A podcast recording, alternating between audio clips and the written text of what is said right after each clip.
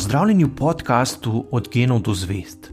Moje ime je Sašo Dolinc in pripovedoval vam bom zanimive zgodbe iz sveta znanosti.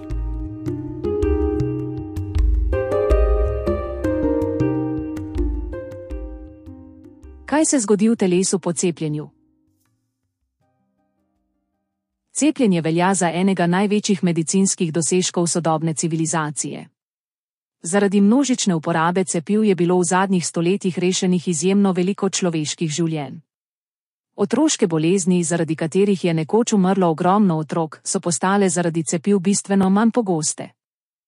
Cepljenje velja tudi za enega stroškovno najučinkovitejših ukrepov na področju javnega zdravja, saj so stroški cepiva bistveno manjši kot stroški zdravljenja bolezni in posledic, ki jih pusti prebolevanje bolezni. Zato smo lahko izjemno veseli, da nam je uspelo zelo hitro razviti in proizvesti varna, učinkovita ter kakovostna cepiva proti COVID-19. A ker je veliko ljudi še vedno strah cepljenja, hkrati pa se ne bojijo okužbe s povzročiteljem bolezni, je dobro, da poskušamo čim bolj nazorno pojasniti, kaj sploh pomeni cepljenje in kaj se ob tem dogaja v človeškem telesu. S cepljenjem imunski sistem naučimo, kako naj se učinkovito spopade z nevarnim kužnim mikroorganizmom, ne da bi ob tem zboleli za boleznijo, ki jo organizem povzroča.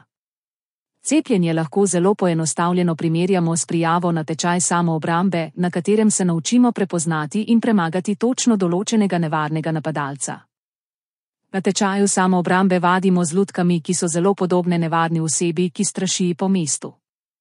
Ker med nekaj tedenskim treningom napadalca dobro spoznamo in se ga naučimo premagati, se bomo znali v trenutku, ko ga bomo dejansko srečali na cesti, pravilno odzvati. Seveda bo spopad z napadalcem še vedno zahteven in tvegan, vendar bistveno manj, kot če ne bi predhodno obiskovali tečaja samoobrambe.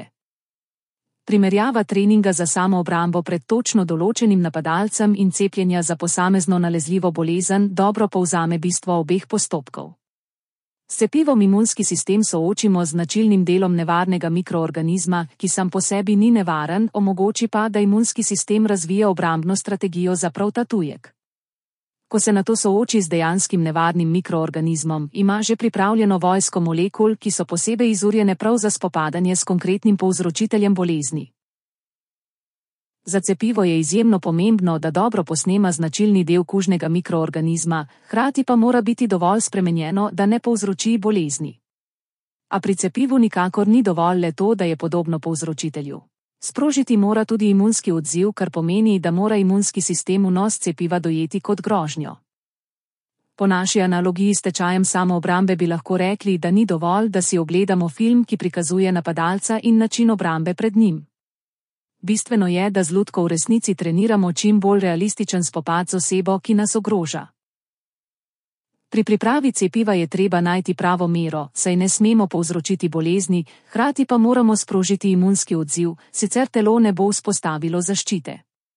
Prav iskanje pravega ravnovesja pri posameznem povzročitelju bolezni je eden od vzrokov za to, da cepiva ni tako enostavno narediti. Naše telo se vse čas sooča z najrazličnejšimi tujki, a naš imunski sistem se na nje večinoma sploh ne odzove, saj mnogi tujki za naše telo niso nevarni. Imunski sistem se praviloma odzove šele takrat, ko zazna, da mu tujek lahko škodi. A kaj je tisti kriterij, po katerem se telo odloča, ali je nekaj potencialno nevarno? Imunski sistem uporablja dve osrednji merili, s katerima presoja, ali je neki tujek nevaren. Prvi kazalnik je ustrajna prisotnost tujka. Če se tuj organizem v telesu zadržuje dlje časa, se imunski sistem na odzove in poskuša najti način, kako bi ga odstranil. Drugi kazalnik nevarnega vdora tuje snovi v telo je nenadno povečanje njene koncentracije v telesu. Če se delež tuje snovi hitro povečuje, imunski sistem to zazna kot grožnjo in aktivira obrambo.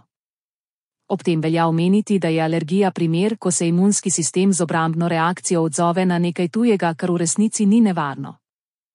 Pri alergiji gre za nekakšno napako v delovanju imunskega sistema, ko se sproži boj proti tujku, ki sicer ne povzroča težav.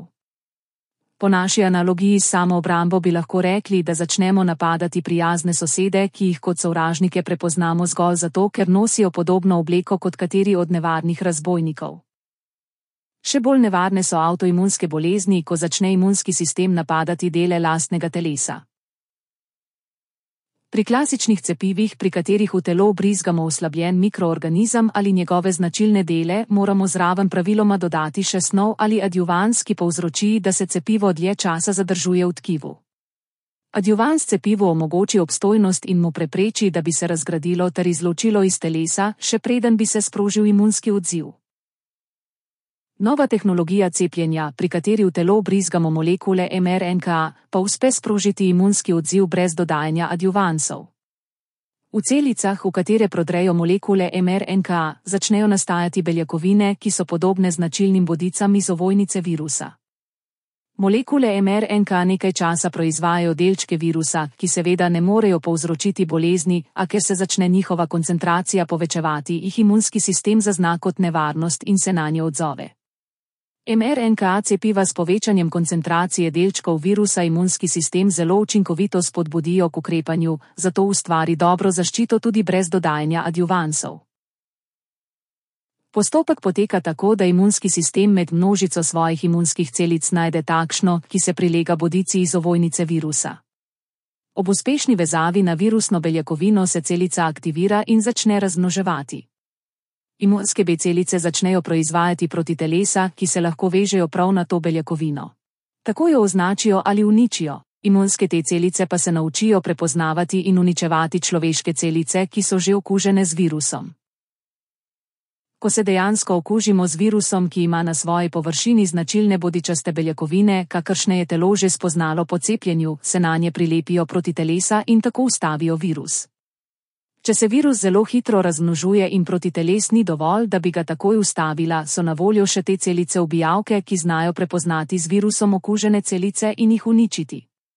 Prav ta specifična celična imunost je pomembna za preprečevanje hujšega poteka bolezni.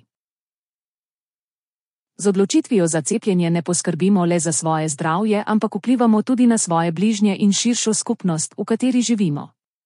S cepljenjem ne zmanjšamo le verjetnosti, da se bomo okužili in imeli hujši potek bolezni, ampak zmanjšamo tudi možnost, da bomo ob morebitni prebojni okužbi virus prenesli na druge. To je bil podcast Od genov do zvest. Moje ime je Saša Dolence in z novo zgodbo se vam oglasim že k malu.